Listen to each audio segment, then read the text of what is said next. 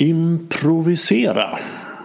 Trettonde avsnittet av Närvaropodden. En samlande kraft mot tankarnas terrorism.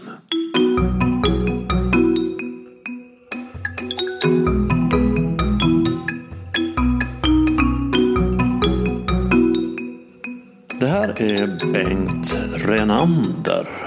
Och idag pratar jag med improvisationsteaterläraren Jörgen Krantz om improvisation, spontanitet och kreativitet. Vi pratar om att göra först och veta sen. Om rädslan att vara utanför, om scenskräck, prestationsångest och självförtroende. Vi pratar om att lyssna, förstå och samarbeta, om sociala normer och konventioner och lite om vänskap. Och som du märker så är det ett stort fält vi rör oss på. Och för mig är kreativitet ett begrepp som täcker ett stort område. Det var faktiskt mitt intresse för kreativitet som tog mig på den här resan inåt och som fortfarande pågår. När jag skrev min första bok, En bra idé, för snart 20 år sedan så slog det mig att vi talar om idéskapande på ett egentligen märkligt sätt. Vi säger ju inte att vi gjort en idé, att vi har skapat den eller producerat den. Vi säger att vi har fått den. Hmm. Underligt tyckte jag. Vi menar ju inte att vi har fått den från mamma eller någon granne eller kusin. Utan jag fick en idé av mig själv. Finns det en del av mig som kallas jag som får idéer av en annan del av mig som kallas själv? Efter att ha ägnat 20 år åt den frågan så menar jag att den som tar den meningen bokstavligt har inte bara förstått något om kreativitet utan också om vad det innebär att vara människa. Det finns en del av mig som kallas jag som får idéer av en annan del som kallas själv. Och den som inte har kontakt med sig själv har alltså inte kontakt med sin kreativa källa. Och hur får man kontakt med sig själv? Ja, var närvarande. När du är helt och hållet närvarande är du helt och hållet dig själv. Inom improvisationsteater som ju handlar om att vara kreativ är närvaro och acceptans de viktigaste förhållningssätten. Och under de 15 år som jag höll på med improvisationsteater så kände jag många gånger att det vi gör här säger något djupt och intressant om kreativitet men också om att vara människa. Och jag är glad över att få prata mer kring vad det kan vara med den mycket erfarna improvisationsteaterläraren Jörgen Krantz.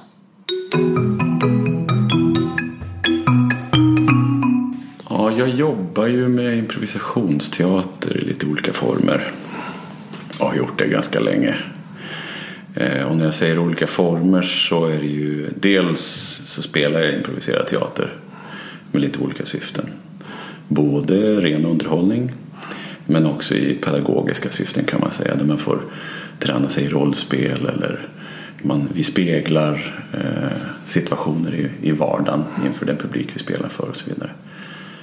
Eh, men jag ger ju kurser också improvisationsteater och även lite anpassade varianter där, där improvisationsteatern är grundtänket och metoden för att träna sig kanske på bemötande eller kommunikation eller storytelling eller teambuilding och så vidare. Så att eh, improvisationsteater är grunden men sen tar det sig olika uttryck kan man säga. Okej, okay, så ska vi bara, för den som inte känner till någonting om improvisationsteater, mm. ska du bara, vad, vad är det för någonting? Det, exakt. Um, det är ju, man skulle kunna säga det är mötet mellan två hantverk. Teater är det ju, det känner de flesta till. Eh, en gestaltning av en berättelse. Eh, men sen är det ju improviserat så det betyder ju att det här skapar man i stunden då. Så att eh, inget manus alls utan man bara eh, kliver in på scenen och kör. Det betyder dock inte, alltså man har inget manus men det betyder inte att man inte är förberedd. För vi tränar ganska mycket på hur kan man skapa i stunden då? Hur kan man improvisera? Mm. Så att manus har vi inget men, men man tränar på det improvisativa hantverket kan man säga. Mm. Ja, i korthet. Det ja. finns lite olika former också sen. Dels mm. eh, kortform kan man kalla det. Där, vi, där man jobbar ganska mycket med snabba så kallade games som det heter. Och ett game eh, det är när man har olika förutsättningar för att spela en scen. Till exempel eh, Eh, Eh, vi spelar upp och sen så lite då och då så vänder man sig mot publiken och då får publiken ropa in ord eller de får ropa in känslor eller eh, ja, bidra på olika sätt och vis eller förutsättningar för vart man ska vara eller hur man ska röra sig eller sådär. Mm.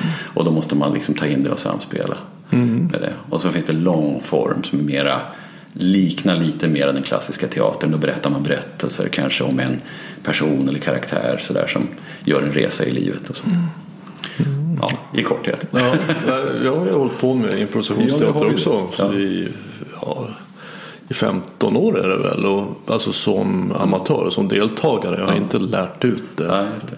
Den kompetensen har jag inte. Men det har varit det är för det första otroligt roligt. Det är verkligen så mycket skratt varje gång. Och de första tio åren så gjorde jag väl huvudsakligen ja, de här olika games och de här mm. långformerna som du pratar om. Och, men de, de senaste fem åren har jag hållit på mycket med musikal. Ja, alltså att sjunga. Ja, just det. Ja. Och det är ju helt fantastiskt att gå ut på en scen inte veta texten till nej. melodin, inte veta vad det är för melodi och heller inte kunna sjunga då vidare. Nej, nej, just det. Och ändå stå där och mitt i en scen plötsligt så börjar pianisten spela och man bara börjar sjunga och hör hur det flödar ur. Ibland, ofta blir det ju helt vansinnigt men ja. ibland blir det liksom wow. Ja.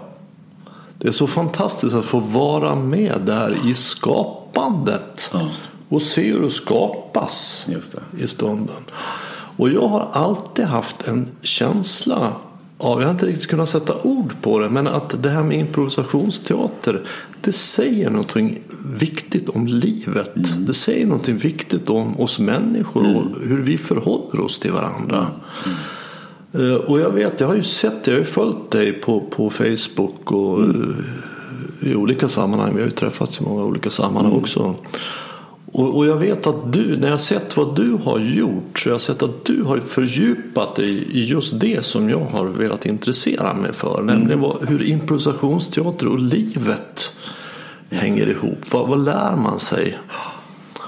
Kan du berätta lite mer om det? ja, jag tänkte nästan jag kan fråga dig. Vad tänker du?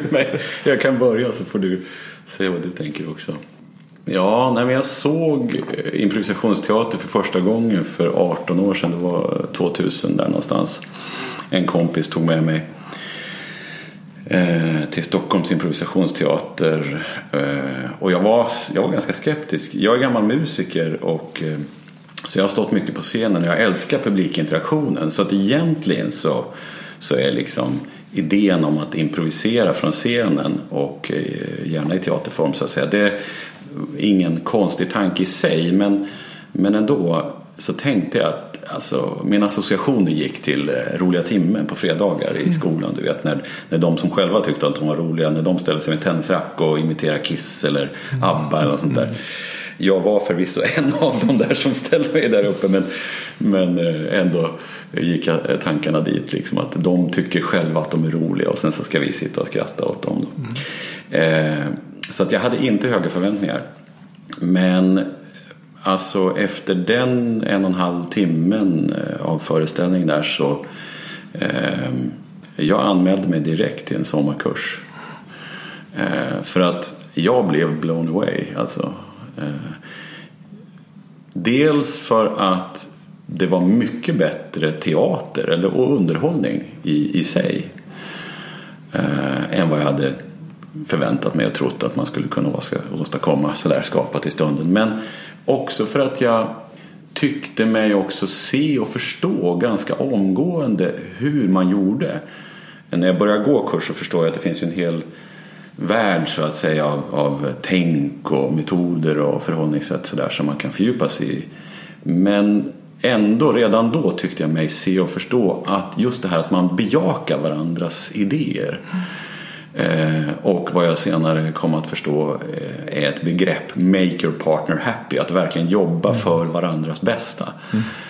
Eh, så att med den där hållningen, eh, det som jag såg redan då, att bejaka sina egna idéer och bejaka varandra. Mm.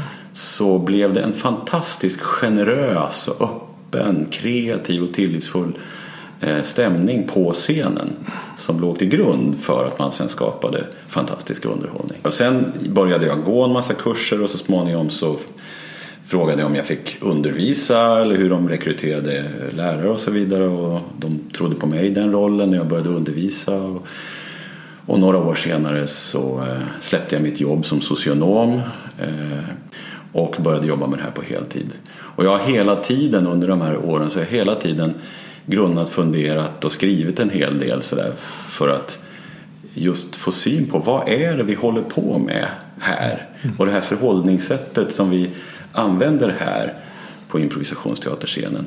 Vad är det vi gör här och vad är det som gör att det är så roligt och skrattframkallande som du sa men också som, som gör att det faktiskt går att hitta på teater, en hel teaterföreställning i stunden och lyckas med det. Mm. För någonstans känns det som att det, det är inte så man agerar i övriga samhället. Mm. Att man liksom går in utan manus eller manual eller arbetsbeskrivning. Utan eh, det handlar väldigt mycket, upplever jag, om att veta först och göra sen i vår kultur och i vår värld. Medan improvisationsteater handlar om att göra först och veta sen, ungefär så. Mm. Vi vill väldigt gärna vara förberedda. Ja. Veta vad du ska säga, ja, vad som ska hända. På... Och det tänker jag är naturligt. Vi vill ha kontroll. Jag mm. tycker jättemycket om kontroll, även om jag har hållit på med det här i 18 år. Mm. Men, eh, så att det är inget konstigt att vilja ha kontroll. Men eh, frågan är också eh, vad är kontroll och, och varför söker vi det och så vidare. För två nyckelbegrepp inom improvisation är ju närvaro mm. och acceptans. Mm. Alltså närvaron är att jag måste uppfatta vad som sker här nu. Vad säger den här människan? För jag kommer ju inte veta vad den säger. Jag måste ju höra vad den här människan säger. Och sen då acceptera det som du säger. Mm. Make your partner happy. Så att, att jag eh, använder det och gör någonting utav det. Mm. Och jag undrar om, om det inte är det jag liksom tänker på vad, vad händer om man inför det i livet utanför improvisationsteaterscenen. Mm. Att man är närvarande och ser varandra och accepterar varandra och gör någonting av mm. det man får på ett mm. konstruktivt sätt. Ja, så skulle du få en annan värld. Ja. Du skulle få andra ja. relationer. Ja, mm. absolut. Eh, och ändå är det så svårt att göra det. Ja, det är ju svårt att göra på improvisationsteaterscenen ja, också. Verkligen, verkligen. Och jag kommer ihåg de första åren så, så ägnade jag mig väldigt mycket åt att försöka vara rolig. Mm, mm. Jag ville vara unik och, och rolig och speciell. Det. det. där är ju typiskt egot alltså. Mm, jag ska mm. vara speciell och speciellt mm. rolig. Och, mm. Och, och, och, sen, men sen började jag se att, att de, de, bästa kvaliteterna uppstår ju när man bara helt och hållet följer med. Mm. Man kan släppa egots mm. grepp och bara följa med. Och, och, det blir de här riktigt vardagliga scenerna kan jag tycka är som allra bäst. Ja. När man är som allra mänskligast. Ja, ja, bara se två människor som beter sig egentligen bara som vanligt. Det är så fascinerande att se. Ja, faktiskt. Och jag håller med, det är väldigt lockande. Och jag kan fortfarande vara där ibland att, att jag eh, tycker det vore jätte... Eller liksom eh, improvisationen drar iväg med mig och jag vill berätta om den här figuren som åker till Mars eh, och hittar eh, energikällan som gör att allting förändras i hela universum och tillbaks kommer jag med den här uppfinningen och ja, alltså bara göra sådär otroligt eh, Spaceat. Det är superspaceat, exakt. Och det låter så kul i mitt huvud när jag liksom tänker det där. Men precis som du säger, när jag sitter i publiken så är det trots allt det där vardagliga och nära och mänskliga som intresserar mest. De där fantastiska, nästan Hollywood-liknande historierna, de är inte så spännande ändå i förlängningen. Det, det, det är kul i stunden men, men det som berör allra mest är ju någonstans att se när människan kommer fram i Ja. sitt vardagligaste och naturligaste tillstånd. På något sätt. Jag, vet att du har haft kurser som, som handlar om den här bryggan Mm. mellan impro och livet. Kan du berätta lite? Vad, vad, vad, vad gör man på de kurserna? Ja, jag har varit lite ambitiös och pretentiös och kört några kurser som jag har kallat för existentiell improvisationsteater. Och ehm, vi har innehållsligt, vi har gjort egentligen samma sak som man gör på en klassisk improkurs. Eh, jobba med tillit, jobba med kreativitet, med samspel, lyhördhet, med dramaturgi och berättande och, och så vidare. Men skillnaden har varit att eh, när du är på en, eller håller eller går en vanlig improkurs då är ju någonstans också premissen att några står på scenen och några kommer att sitta i publiken. Och på scenen så ska du underhålla de som sitter i publiken. Och på ett sätt så kan man säga att eh, huruvida det som sker på scenen är intressant eller inte avgörs i publiken när det är premissen. Eh, vilket på ett sätt gäller väldigt många konstformer att eh, man betalar en biljett och så förväntar man sig att jag ska få någonting när jag sitter i publiken. Och jag förväntar mig att det är de som står där framme som ska ta hand om det och är ansvariga för det. Så det är liksom det klassiska upplägget. På existentiell improvisationsteater så har vi försökt att släppa den där idén om att några är producent och några andra är konsument. Några sänder och några mottar. Utan mer tänkt att okej, nu är det några som står på scenen och några sitter i publiken men alla ska vara aktiva.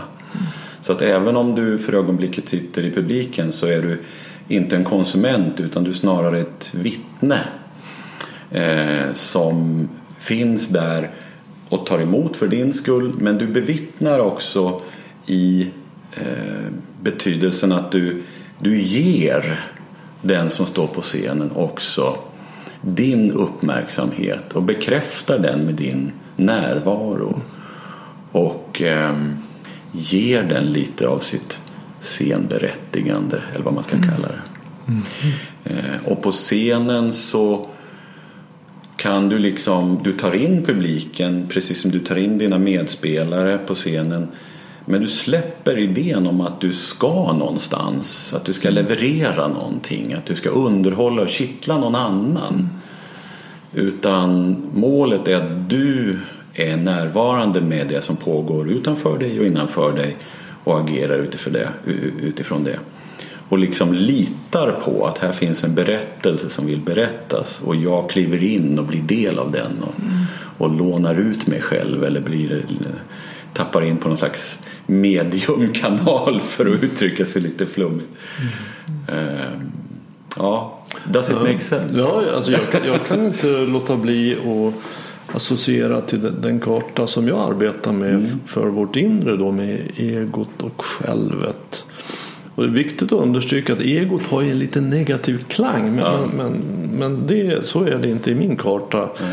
Annat än om ett ett ego, ego utan kontakt med sitt själv Mm. det, det kan bli väldigt dysfunktionellt, direkt farligt, eller blir ofta det. Ja. Men så länge jag gör, alltså så länge egot gör som jag själv vill så, så blir, det, då blir det bra. Men att, att den beskrivning du har, det vad som sker i den här teaterscenen är ju att, att, att publiken blir det bevittnande självet. Okej. Mm. Och, och de som är på scenen blir personligheten som agerar någonting. Ja. Så att det blir en organism av, av, av alla som är där inne.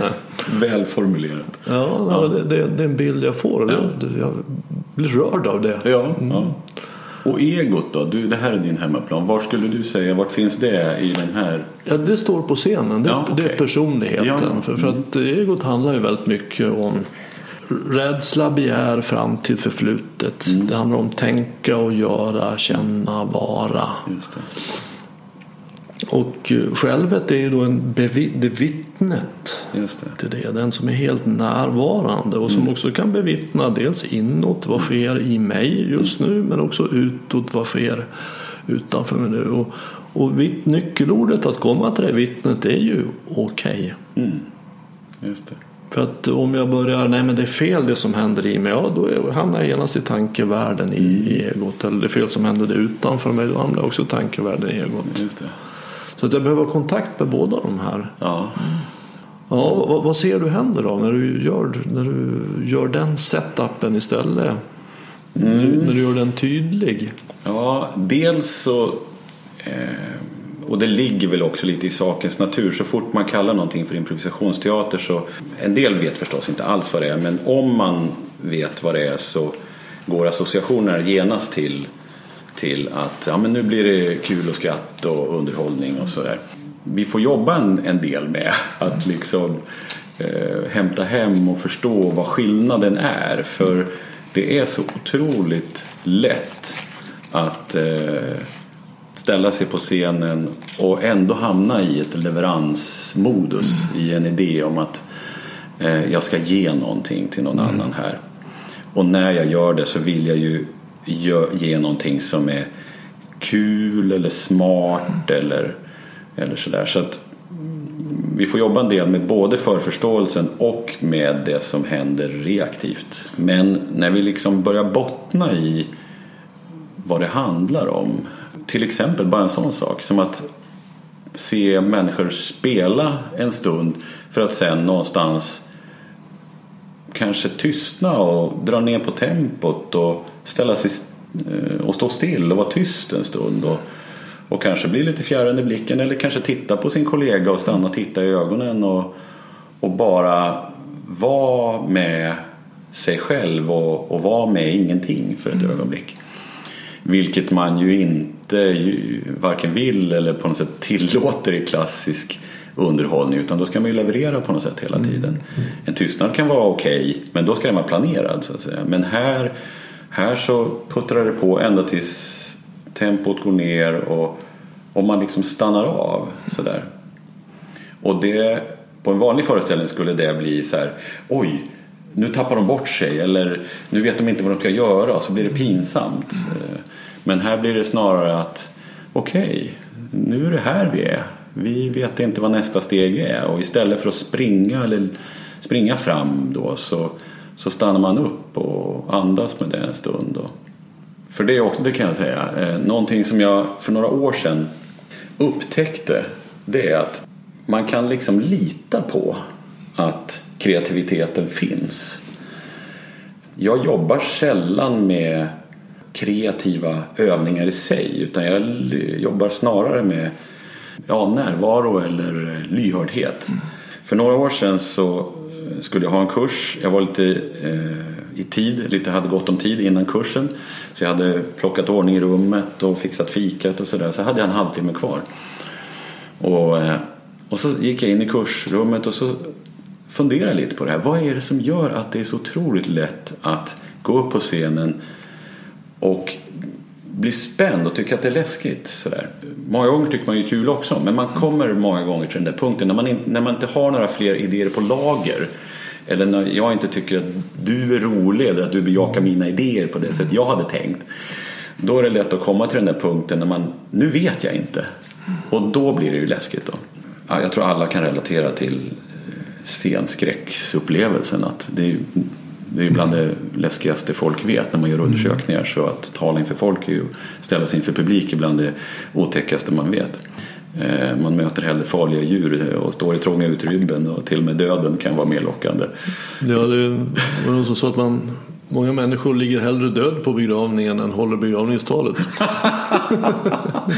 Ja, det är jättebra. Det säger verkligen något om, om den skräck man kan känna. Ja, men jag, jag gick in i rummet och så gick jag och ställde mig på den platsen där vi brukade liksom spela upp då. Och bara slöt ögonen för en stund och ställde mig den här frågan. Vad är det som gör att det är så utmanande att stå på den här platsen inför andra människor, inför en publik? Plötsligt så vill jag liksom bara luta mig tillbaks och släppa taget och slappna av och luta mig tillbaka in i någonting som jag tänker det finns redan någonting här. Någonting pågår redan. Mm. Um, och om jag kan koppla upp mig på det där som redan pågår då behöver jag egentligen inte prestera någonting. Mm. Utan jag kan snarare vara lyhörd och följa med i det som pågår och det som vill ske. Och då, jag brukar tänka på, okej, okay, vad, säger, vad säger du Bengt när jag säger så här, någonting pågår, vad, vad tänker mm. du då? Ja, du, det väcker många associationer ja. i mig. Att jag, jag, min, väg in i det här mm. inre världen kom via kreativitet. Ja. Och, och det, min ingångspunkt var, var det här märkliga uttrycket att man säger inte att man har gjort en idé eller skapat en idé eller producerat en idé. Utan man säger att jag fick en idé. Just det. Men man menar inte att jag fick den av eh, mamma eller av någon granne. Utan jag fick den av mig själv. Ja. Är jag schizofren eller vad är det här frågan om? Men, men jag menar då att om man tar den meningen bokstavligt, mm. att det finns en del av mig som är mitt jag, mm. som får idéer av en annan del av mig som är mitt själv. Ja så har jag dels förstått någonting om kreativitet men också om det här magiska mysteriet som det innebär att vara människa. Mm. Mm. Så det var, det var, hela min ingångspunkt ja. till den här kartan med egot och självet, det bevittnande självet. Så att, och många människor säger så att jag är inte kreativ. Nej, Nej jag är inte kreativ. Nej, Jaget är inte kreativt. Nej. Och har jag inte kontakt med mig själv så har jag inte kontakt med min kreativa källa. Mm alla människor har ju ett själv. Mm. Så att man behöver etablera kontakt med det. Och vem är det då? Ja, det är ju den jag är när jag är helt och hållet närvarande. Mm. Så att om jag kan gå ur egots prestationsångest, behov av att vara rolig, unik, mm. fantastisk, bra, allt vad det nu är för någonting speciell. Mm. Och bara komma till nuet. Jag får en bild att det var vad du gjorde där på mm. scenen. Bara, ha, mm. jag är här. Så kommer idéerna. Jag behöver inte prestera dem. Det kommer av sig själv. Just det. Så att det är vad som händer i mig när du mm. berättar om det här. Mm. Mm, fint. Det är fint att få liksom en annan förklaringsmodell på någonting som är bekant. Ja, ja man kan säga att det är en annan karta ja, men över samma område. Ja, verkligen. Ja. Ett sätt som jag brukar tänka på det här som jag kallar för pågåendet. Det här som liksom på något sätt sköter sig själv. Det är att om jag om jag skär mig, om jag får ett sår eh, i handen till exempel.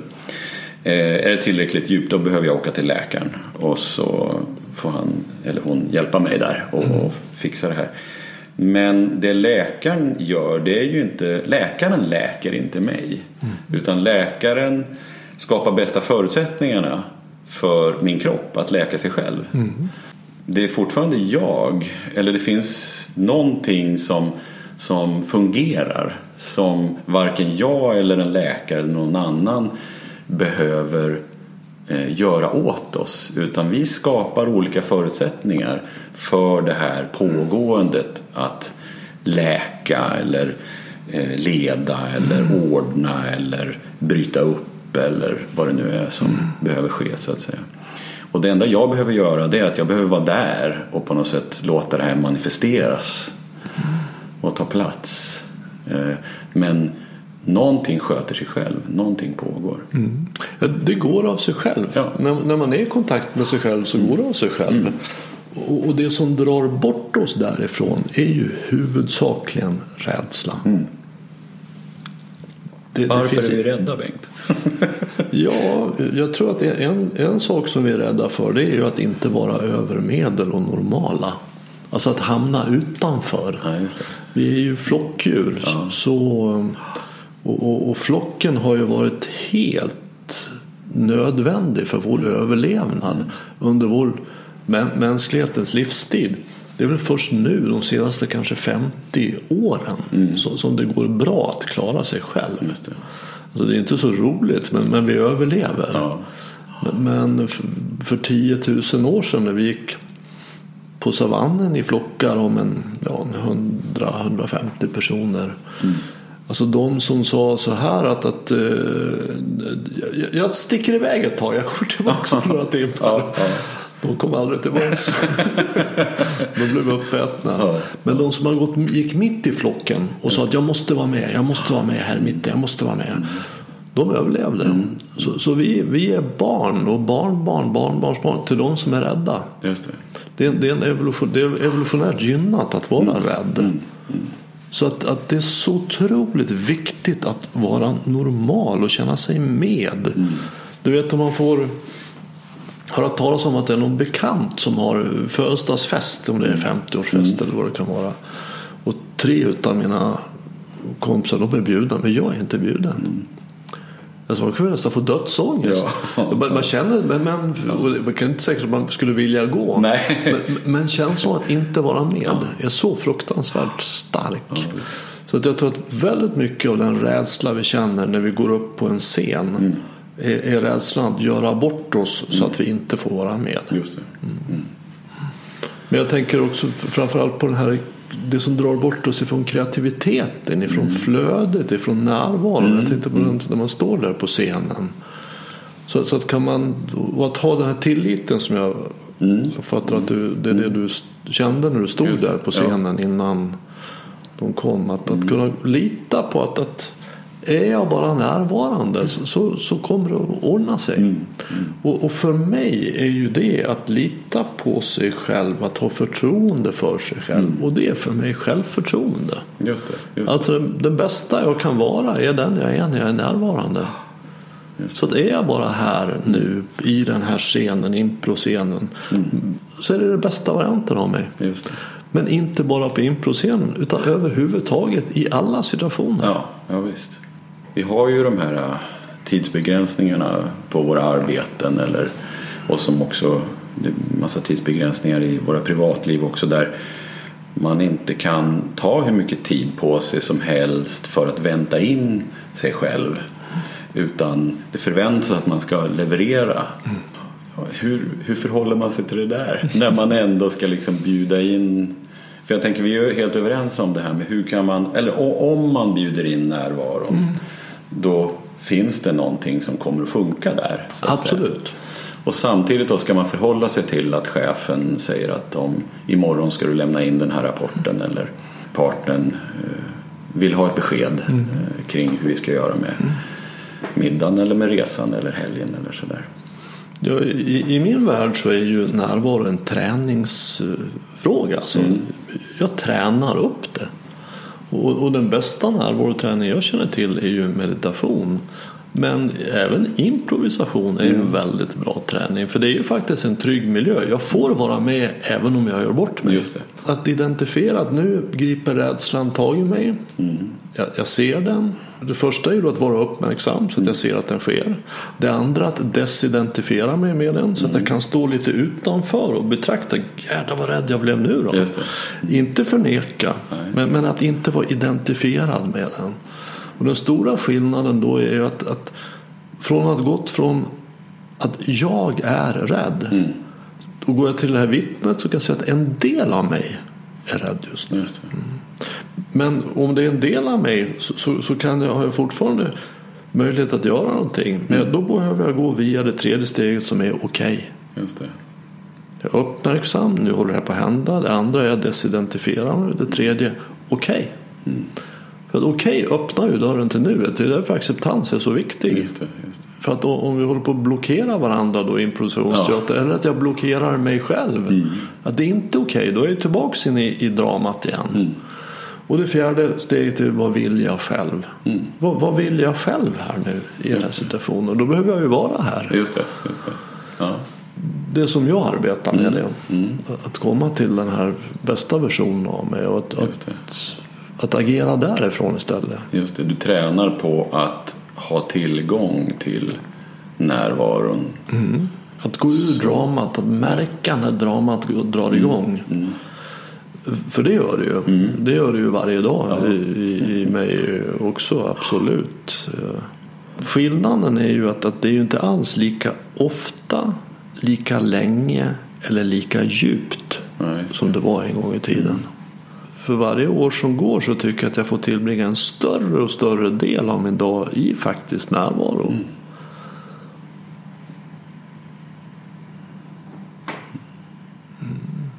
vad hände sen då? När, sen kom eleverna.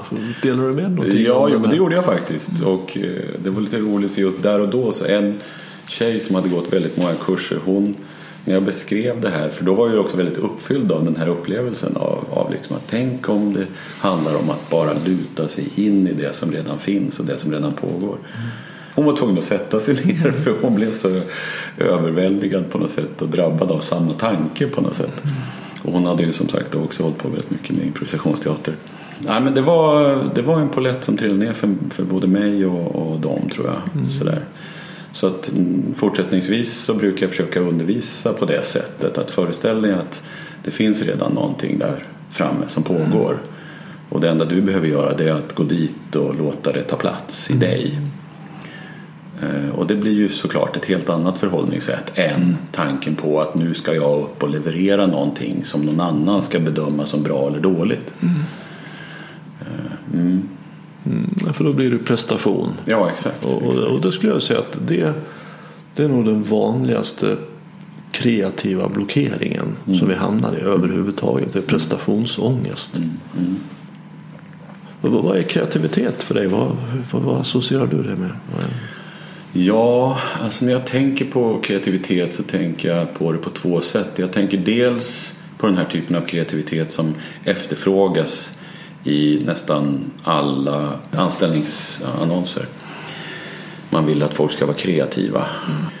Och sen så tänker jag på en annan typ av kreativitet som handlar mer om det här med att manövrera i nuet.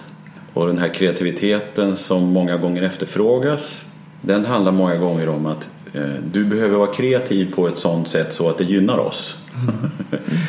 eh, och det är ju en fair premiss eftersom det är ett arbete som ska skötas, en arbetsbeskrivning och så vidare. Men den här andra typen av beskrivning den platsar egentligen lika bra eller ännu bättre även på en arbetsplats tänker jag. Eh, Och det är ju den här när man är så vaken som möjligt för vad som behövs just nu. Med, vårt medvetande är ju någonting som skiljer ut oss från andra varelser på den här planeten. Och jag tänker att medvetandet är en superkraft. För den, med den så kan vi både förklara, vi kan skaffa oss en förklaringsmodell kring det som just skedde och vi kan fantisera kring hur vi vill att framtiden ska se ut. Om man använder den förmågan på bästa sätt, tänker jag, eh, på det här kreativa närvarande sättet att manövrera i nuet, det är när man, när man tittar bakåt och liksom utvärderar och funderar på okej, hur, hur gick det här? Eh, vad kan jag lära av det här? Hur kan jag ta nästa steg på ett sätt som blir eh, så bra som möjligt? Mm och att blicka framåt och med fantasins hjälp så skapar man bästa förutsättningar att även imorgon eller nästa stund vara så närvarande som möjligt. Och det är ju ett annat sätt att använda sitt medvetande än om man använder sitt medvetande för att bestämma sig för om saker och ting var bra eller dåliga som just skedde och använder sitt medvetande för att kontrollera hur jag vill att framtiden ska te sig. Genom att eh, bestämma klockslag och hur saker och ting ska se ut om en timme och när jag ska vara färdig med vissa saker och så vidare.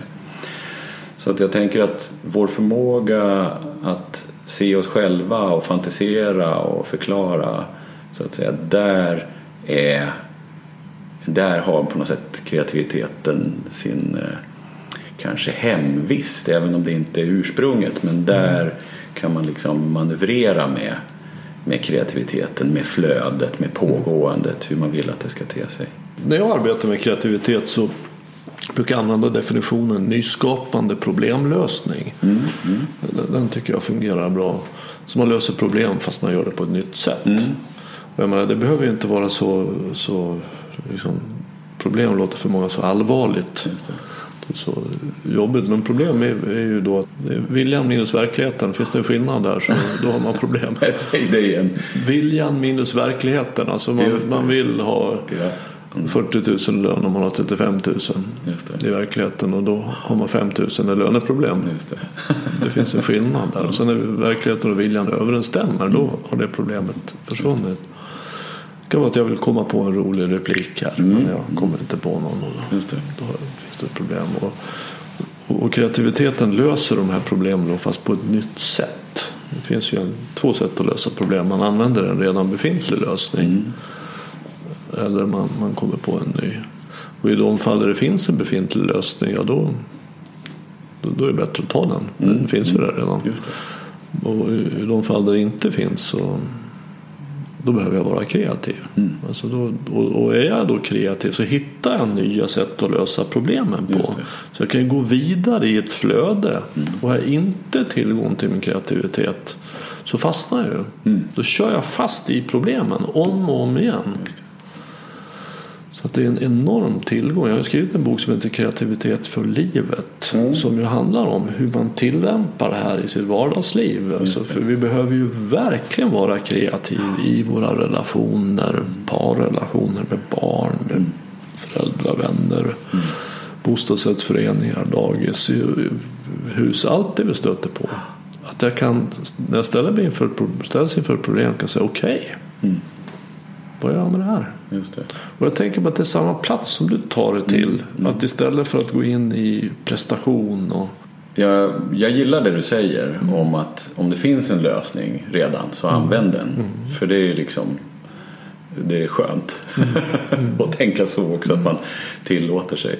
För det är lätt att, och, och, det är lätt att, att eh, kan jag tycka att det blir också lite pretentiöst när man liksom ska vara mindful och, och närvarande hela tiden. Så där. Det blir nästan en prestation i sig. Så att ibland så är det skönt också bara använda, gå den lättaste vägen fram. Liksom. det finns ju ingen anledning att hitta på nya sätt att klä på sig varje morgon. nej, men precis. Så jag har hittat ett sätt som funkar. Jag börjar med kalsongerna och det, det funkar bra för ja, mig. Precis, ja. Och här på vägen när vi möter varandra med bilarna så du håller dig på den Mm. i den filen och jag håller i den här, i den här så kan vi köra 120 knyck Mm. och mötas utan att krocka. Så att, eh, absolut.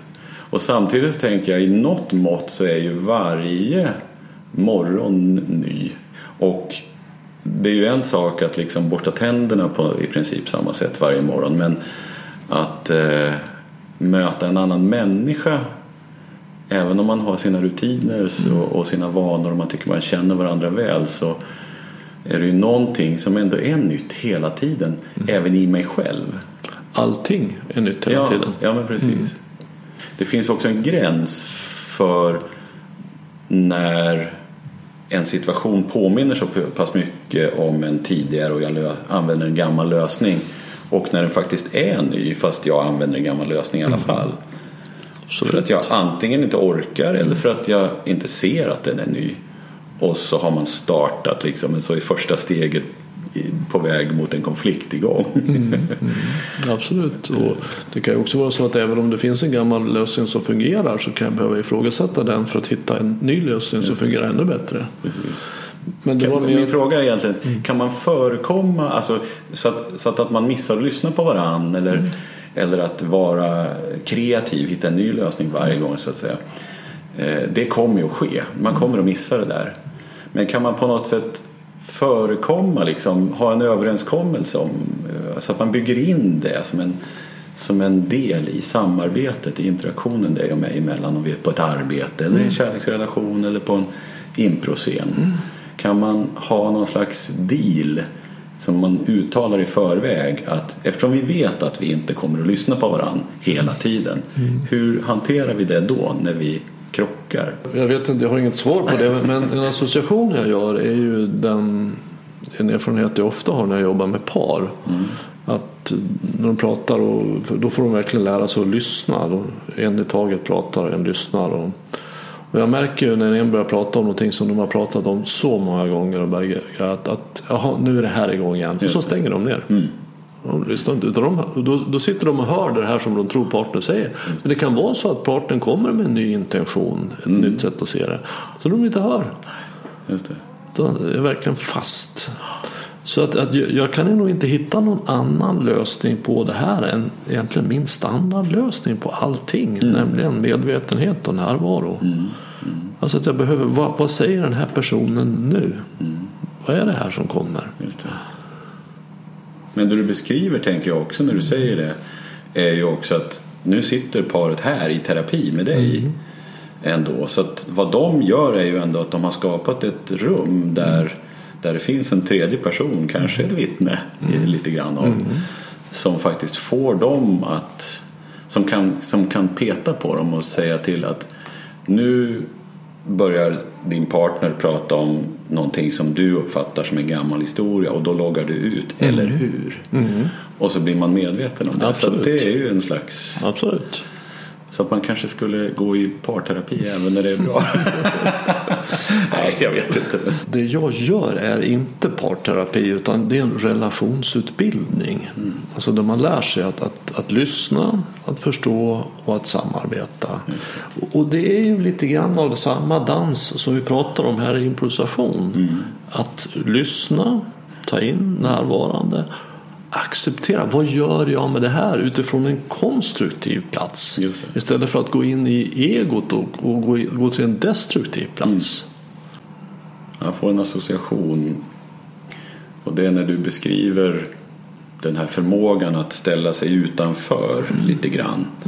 Det som tycks drabba mig. Eller i bästa fall bli härligt uppslukad av så att säga. Jag ser liksom en parallell mellan den där förmågan att ställa sig utanför sig själv och rollen som coach eller terapeut eller utbildare som står lite utanför och hjälper till att, att se paret eller se mig utifrån. Det är också en slags träning, medvetenhet. Alltså, som ser- vad man agerar då som, och jag tänker att det är precis samma sak som du gör när du lär ut improvisationsteater. Mm. Att du agerar som ett ställföreträdande själv. Just det, just det. Och, och, och när man gör det, om man är närvarande och kan se hur egot håller på, då, då kommer folk tycka att man är klok. Mm, Själv så kan man veta att, att jag har inte sagt något speciellt mycket klokt. Nej, eller, det. då kommer klienten tillbaks efter ja, kanske tredje eller fjärde gången och så säger de så här att ja du, nu när jag ställs inför den här situationen som är svår för mig då brukar jag tänka så här, jag undrar vad Bengt skulle göra. Och då vet jag att den här människan har fått kontakt med sitt själv. Men hon kallar sitt själv för Bengt. Ja. Och vad jag gör då är att jag kan ta henne ur sitt ego. Så går jag och faktiskt rent fysiskt visar henne hur jag ser på hennes personlighet. Ni flyttar er i rummet liksom? Absolut. Ja, Och, och, och så står vi där och tittar och då, då kan hon säga så att Men herregud, jag är inte klok. Nej. Och då säger jag så att nej, det, det är du inte. Det ligger något i det. Ja, verkligen. Men den som ser att du inte är klok, den är klok. Mm. Just det. Det är det bevittnande självet, den, den kloka delen.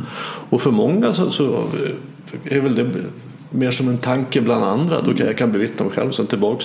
Vi blir inte lärda den enorma storhet som det finns i att ha kontakt med den platsen. Den enorma kraft. Att desidentifiera sig med sina tankar och känslor. Och kunna vara här i nuet, i kontakt med själv. Och komma i kontakt med som du pratar om. Och märka att det kommer det som jag behöver. Allt jag behöver finns här. Hur blir ditt vardagsliv utanför improscenen? Använder du någonting av det? Eller vad vad har du för nytta av de insikterna? Mm. Jag tillåter mig att pröva. Det är nog liksom den stora behållningen nedkokat i, i en mening. Sådär. Att jag, jag tillåter mig att prova. Jag tillåter mig att och det gör jag ju inte jämt. Jag blir ju reaktiv också såklart. Och jag älskar kontroll. Även om jag har hållit på med improvisationsteater i 18 år. När jag eh, lyckas vara närvarande i stunden inför en utmaning eller vad det nu är. Om jag kan tillåta mig att ha den här förhållningssättet som vi har på improvisationsteaterscenen att eh, berättelsen är egentligen det är ett vitt ark det här. Vi skapar den så att säga. Och därför så kan man också kasta sig ut och prova att gå åt ett håll och se om det finns energi där. Och gör inte det, ja då kan man liksom skruva lite på berättelsen och så går man åt ett annat håll. Mm. Eh, och det är ju ett sätt att prova sig fram och se vad som fungerar. Mm. Eh, jag tänker att mitt så här, koncisa sätt att beskriva skillnaden mellan improvisationsteater och det mindset som vi har väldigt mycket i vår vardag. Det är just det här som jag sa tidigare. Att i, i vardagen så, så försöker man veta först och göra sen. Mm. Medan på improteatern så gör man först och vet sen. så att säga. Och jag tänker att när man om man anammar det här sättet att veta först och göra sen då ligger det i sakens natur att man kan göra rätt eller fel. Mm. Mm. Därför att om vi har bestämt nu vad vi ska göra eller hur vi ska vara med varandra om en minut. Om vi inte är det då, ja då blir det ju fel utifrån vad vi har liksom kommit överens om eller förväntat oss av varandra. Men om dealen är att vi gör först och vet sen, då kan man ju inte göra fel. Eh, för då, då tittar man ju på det i efterhand och ser vad blev det av det här? Och hur kan vi använda det? Kan vi använda det? Nej, okej, okay. då prövar vi igen. Mm. Eller ja, det kan vi använda. Schysst, nu tar vi nästa byggkloss. Mm. Så att det blir en väldigt stor skillnad i om man tillåter sig att pröva även i vardag och verklighet eh, som man gör i improvisationsteater. Jag tänker på Thomas Tranströmers eh, ord. Det finns mitt i skogen en oväntad glänta som endast kan hittas av den som gått vilse. Ett annat sätt att uttrycka det du säger. Ja. Alltså att, att, om jag åker på de här upptrampade mm. asfalterade vägarna Ja, då kommer jag om jag är i Falun så kommer jag och åker Borlängevägen. Då kommer jag ju till Borlänge. Mm. Ja, det, ja, det var ju dit jag skulle så det, ja, det är bra. Men, men, det är ingen oväntad glänta i Borlänge utan Nej. det är ju Borlänge. exakt, exakt. Och för att komma till en oväntad glänta så behöver jag då ge mig av ifrån den upptrampade stigen och ut i det okända. Att mm. pröva. Och, och vilse, det är jag ju i den punkten jag inte hittar tillbaks till den vägen mm. jag var på och jag hittar heller inte dit jag ska. Och det där är ett tillstånd som egot hatar. Mm. Och det är det tillstånd som du går in i. Mm. Att, att våga vara vilse. Mm. Alltså det verkligen att inte veta vad jag är. Jag, jag provar. Mm. Vi får se. Ja, precis. Och det är då en, i min värld fall en grundläggande förutsättning för att kunna vara kreativ. Att våga prova. Och, och, jag brukar anamma, kanske i synnerhet i, i relationer som jag har varit i, att när det blir fel, mm. för det blir det ju ibland, det kör ja. ihop sig. Just. Att man kan säga så som vi gjorde i filmbranschen. Jag jobbade i filmbranschen i 15 år. Och när en tagning blir fel där. Mm. Då säger man bryt. Just det. Så säger man omtagning. Just det. Så börjar man om igen. Mm. Väldigt, äh, väldigt geschwint. Ja. Tänk att man kan göra det i livet också. När det, när det blir fel det. I, en kommunikation. Så, bryt. Mm. Kan vi bryta? Det här var ju fel. Ja. För oss båda. Ja, det var väldigt fel. Vi gör en omtagning. Var, var börjar vi? Precis. Ja. Och sen så, ser vi, så tar vi andra spår. Vi provar andra vägar Just för att se om det kan leda oss fram till någonting som blir mer funktionellt och härligt för oss båda. När man går in på en improvisationsteaterkurs då är ju kontraktet väldigt tydligt. Att vi är här för att leka. Medans i vardagen så har vi ju Alltså möter man någon på stan så kan man på ett sätt säga att vi har inget kontrakt. Mm. Eh, å andra sidan så finns det ett outtalat kontrakt. Ja, om att bete sig normalt. Exakt. Mm. Om jag håller och leder någonting så försöker jag uttala och att vi har ett litet samtal kring hur, hur är vi med varandra mm. nu när vi ska gå in i den här uppgiften, vi ska gå in i den här kursen eller den här stunden. Eh, hur ska vi vara med varandra? Så att man gör någon slags kontrakt där man redan på, i förväg överens om att det är okej okay att prova. Mm. Och med andra ord, vi kan inte göra fel, vi kan bara prova.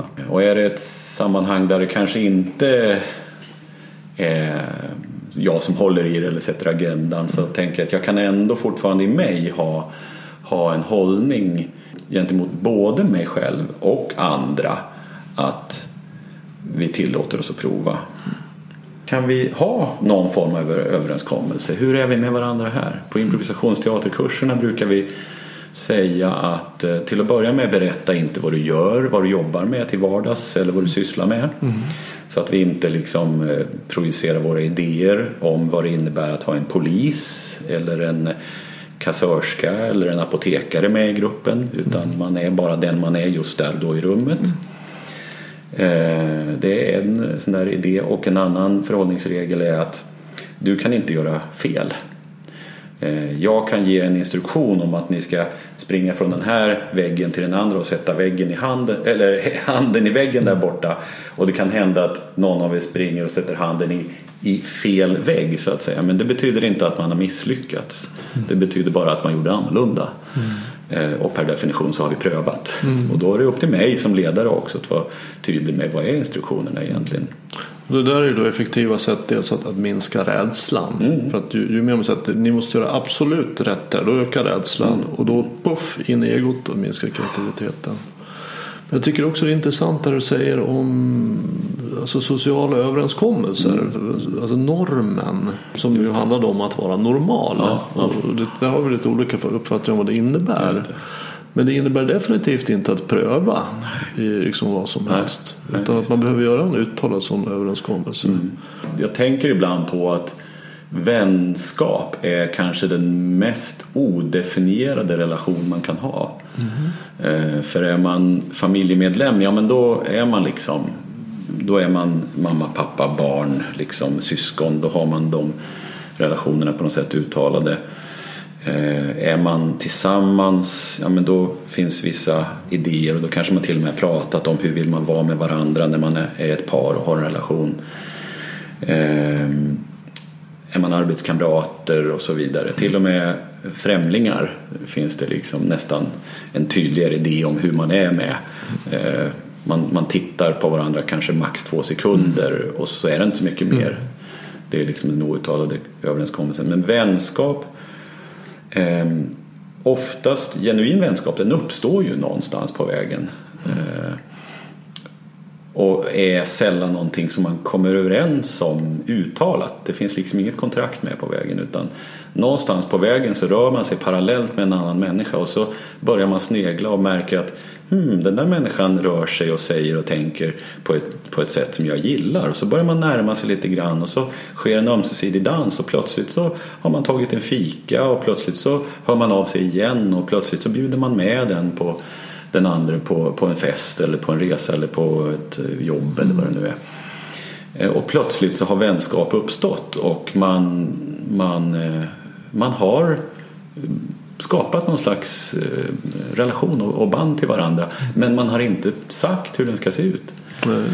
Eller kommit överens om det. Så att min upplevelse är att, att vänskap, hur vänskap ska se ut, det pratar vi sällan om. Mm. Men jag minns en gång för många år sedan, jag var 30 år tror jag, så var det en god vän till mig eh, Eh, som, ja han var en vän, vår vänskap hade uppstått på det här sättet. Vi hade sakta men säkert börjat umgås och, eh, och vi brukade äta långa frukostar på lördagmorgnar tillsammans. Sådär. Och de där frukostarna gav oss utrymme att liksom fördjupa vår vänskap ännu mer. Och sen minns jag vid ett tillfälle så sa han till mig att Jörgen eh, du är en väldigt god vän till mig och jag vill att du ska veta att du är min vän och att jag är din. Jag väljer dig som vän och prioriterar dig som vän.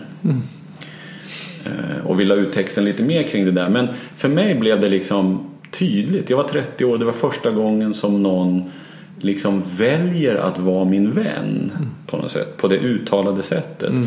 Och det gjorde någonting med mig för jag kunde liksom gå därifrån och känna att Mats kan jag liksom jag, kan, jag kan räkna med honom. Det är inte bara upp till lusten och tiden och utrymmet och gemensam dans som gör om vi kommer att ha med varandra att göra eller inte. Utan honom kan kan jag räkna med även när det är osynk och vi inte dansar. För, för nu är vi vänner på pappret, höll jag på att säga. Nej, men du förstår menar. Och, och det ligger ju lite i vänskapens natur. Att i en vänskap så behöver jag kunna uppleva att jag kan vara mig själv. Ja. Som jag är i alla aspekter. En villkorad vänskap där jag då bara behöver vara trevlig eller rolig eller bara allvarlig eller prata djupt eller vad det nu än är för någonting. Men den är villkorad. Är ju inte riktigt en vänskap. Nej. Det finns många sådana här uppmaningar i självhjälps eller eh, personlig utvecklingssammanhang där man uppmanar människor att välj bort människor som tar din energi. Känner du igen Ja, tänket? Jag, jag har sett det. Ja. Och jag kan någonstans fatta vad som är idén på något sätt. Att Är det någon som bara suger din energi och använder dig och utnyttjar dig så, så välj bort den. Så. Och det finns väl någonting sunt med det. Men det finns också någonting väldigt egoistiskt i att, att hålla på och eh, behandla sina, sina vänner som om de vore produkter som tillför mig något eller inte. Det här ger mig, man liksom feng shuiar i sin vänskap, vänskapskrets. Eh, Det finns absolut någonting sunt i att se över sin, sina vänskaper. Men jag tänker att första steget kanske är att, att mötas och prata om eh, hur funkar det här? Eh, Jag tycker att det känns väldigt krävande, eller ja, man, om vi använder jag-budskap, liksom, men att när, när vi gör det här eller när vi möts eller när det här sker så upplever jag att och så vidare. Men att, så att jag tänker första, första steget jag snarare skulle vilja uppmana till i, i alla typer av vänskap det är ju prata med varandra och hitta, även om det inte är ett kontrakt man gör så liksom hitta ett sätt, hur kan ni vara med varandra så att ni tycker om det båda två? Istället för att göra en inventering på egen hand och fundera över vilka ger mig energi och vilka ger mig inte energi och sen så väljer jag bort de som inte ger mig energi och väljer de som ger mig energi. Ja, jag tycker också att det är ett, ett, ett väldigt tokigt sätt att resonera på. Och, jag, min anledning är att, att det finns ingen som kan suga min energi. Utan det är, jag kan ge bort den. Eller, det är jag som gör någonting. Så att, att de jag träffar som jag inte gillar och som är, jag upplever då suger mig, för det är ju upplevelsen. Men det är jag som gör någonting. Så att de människorna är min lärare. Ja, det. Så, så det, handlar, det handlar inte om att bli gränslös. Det är klart Nej, att, att om man blir slagen eller Ja, det, det finns situationer man absolut behöver lämna. Men, men när, när det väcks känslor i mig som är obehagliga i mig och de väcks i, i, i, i, mötet med en annan människa så är det mina känslor. Just det. Det finns andra människor som träffar den här personen och, de känner inte alls så. Det är mina känslor. Och, och istället för att då säga att, att jag ska bort med den där människan så vad är det här för känsla? Mm, mm. Vad, vad håller jag på med här? Och då har jag ju träffat en person som faktiskt kan lära mig det här. Och det är fint som du säger att, att kunna prata om vad är det som händer här? Vad, vad tänker du? Och jag tror de flesta har varit med om, liksom jag, att, att en person i början kan väcka svåra känslor. Alltså det känns jobbigt, man tycker det är dryg eller otrevligt eller vad det nu än är. Men sen om man lärt den känna den personen lite närmare så försvinner det där. Mm, mm, just det. Att man har egentligen projicerat saker på den här personen. Som, som egentligen inte har med den där människan att göra. Det har väckt minnen. Just det. Så att, att jag tycker det, det är ett sätt att beskriva skiftet. Att gå ifrån identifikation med ego till identifikation med självet. Att när egot är en lärare. Den ska lära andra hur de ska göra. Så där får man inte bete sig. Du ska bort dit och där får du inte säga vad har de, vad har de på sig. Vad, du, du, Mm. du vet precis hur alla ska vara. Och när jag går över till självet så blir jag eleven. Alla jag möter är min lärare. Allt jag är med om är min lärare. Vad kan jag lära mig av det här? Det. Hur kan jag använda det här på ett konstruktivt sätt? Vad är det som händer här? Vad håller jag på med?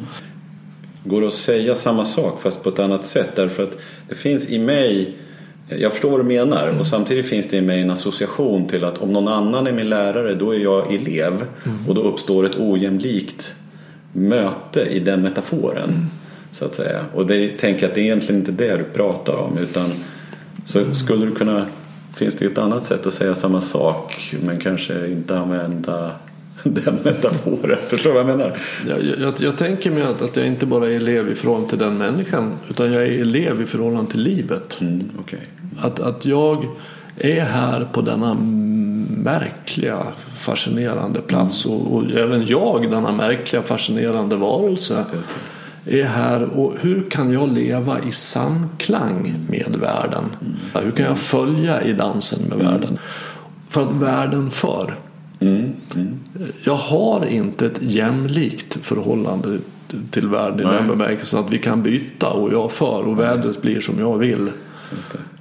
Och, och, ett par som har dansat efteråt när de ser varandra i ögonen, den ena fört och den andra följt, de ser ju att vi gjorde aldrig lika. Mm. Men vi är helt och hållet jämlika. Mm. Mm. Så att jämlikhetsaspekten är inte så egentligen intressant för mig. Utan det är min inställning att vilja lära mig. Istället för att vilja ändra på det utanför. Mm. Mm. Det hindrar inte att ibland är den bästa lärdomen att här behöver jag sätta en gräns. Mm. Här, här, behöver jag lämna. Mm. Eh, så att, eh, det. det. det. är inte att jag går med på allt, men jag lär mig av allt. Det. det. finns något spännande att lära sig. Mm. Vad jag menar är att, att elevmetaforen för mig mm. eh, kan bli att den handlar om att jag ska lära mig saker för min skull. Mm. Och så kommer jag aldrig till en punkt där jag liksom bidrar och, och agerar och gör skillnad utanför mig själv. Mm. När börjar man ge till sin omvärld eller gör man inte det i din metafor? Jo, Förstår du vad jag menar? Absolut, man, ger hela tiden till sin ja, omvärld. Alltså ja. att, ju mer jag kan lära mig om livets villkor, det gör jag ju genom att interagera med livet. Och om jag ska undvika allt som är obehagligt för mig, alltså människor som är obehagliga, situationer som är obehagliga, jag provar ingenting. Nej. Så kommer jag heller inte att lära mig någonting. Nej, Eller jag kommer i alla fall lära mig väldigt, väldigt lite. Mm. Jag stannar kvar i min komfortzon. Just det. det är inte någon sorts egoism jag är ute Nej. efter utan Nej. det är snarare om hur kan jag interagera på ett konstruktivt sätt med världen. Mm. Och det gör jag när jag ser mig själv som eleven. Mm. Att jag säger okej, okay, vad händer här? Okej. Okay. Mm. Istället för att säga nej, du är en energitjuv, du är en sån där, du är en mm. sån där, du är en sån där. Bort, jag ska bort, stänga bort alla dem, då, mm. då blir det bra för mig. Mm. Det tror jag inte är ett välfungerande sätt. Okej, okay. mm. nu har vi pratat jättelänge. Ja. ja. Härligt. Ja. Tack Jörgen ska jag säga också. Tack. Tack själv. Ja, Kul att möta dig så här. Ja, det blev verkligen ett vindlande samtal. Ja. Spännande att få pröva. Ja.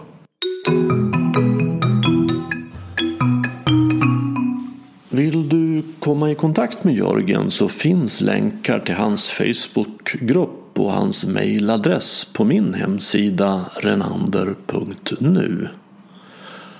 Att göra den här podden är ett sätt för mig att bidra till kampen mot tankarnas terrorism. Ingen terrorism skördar fler offer än den. Vill du stödja podden så gör du det genom att tipsa om att den finns till vänner och bekanta och gå gärna in på iTunes och betygsätt och skriv kommentarer. Vet du någon som arbetar med att stödja andras närvaro som du tycker borde vara med här? Tveka inte att kontakta mig. Enklast gör du det via kontaktformuläret på min hemsida renander.nu. På återhörande och du var uppmärksam.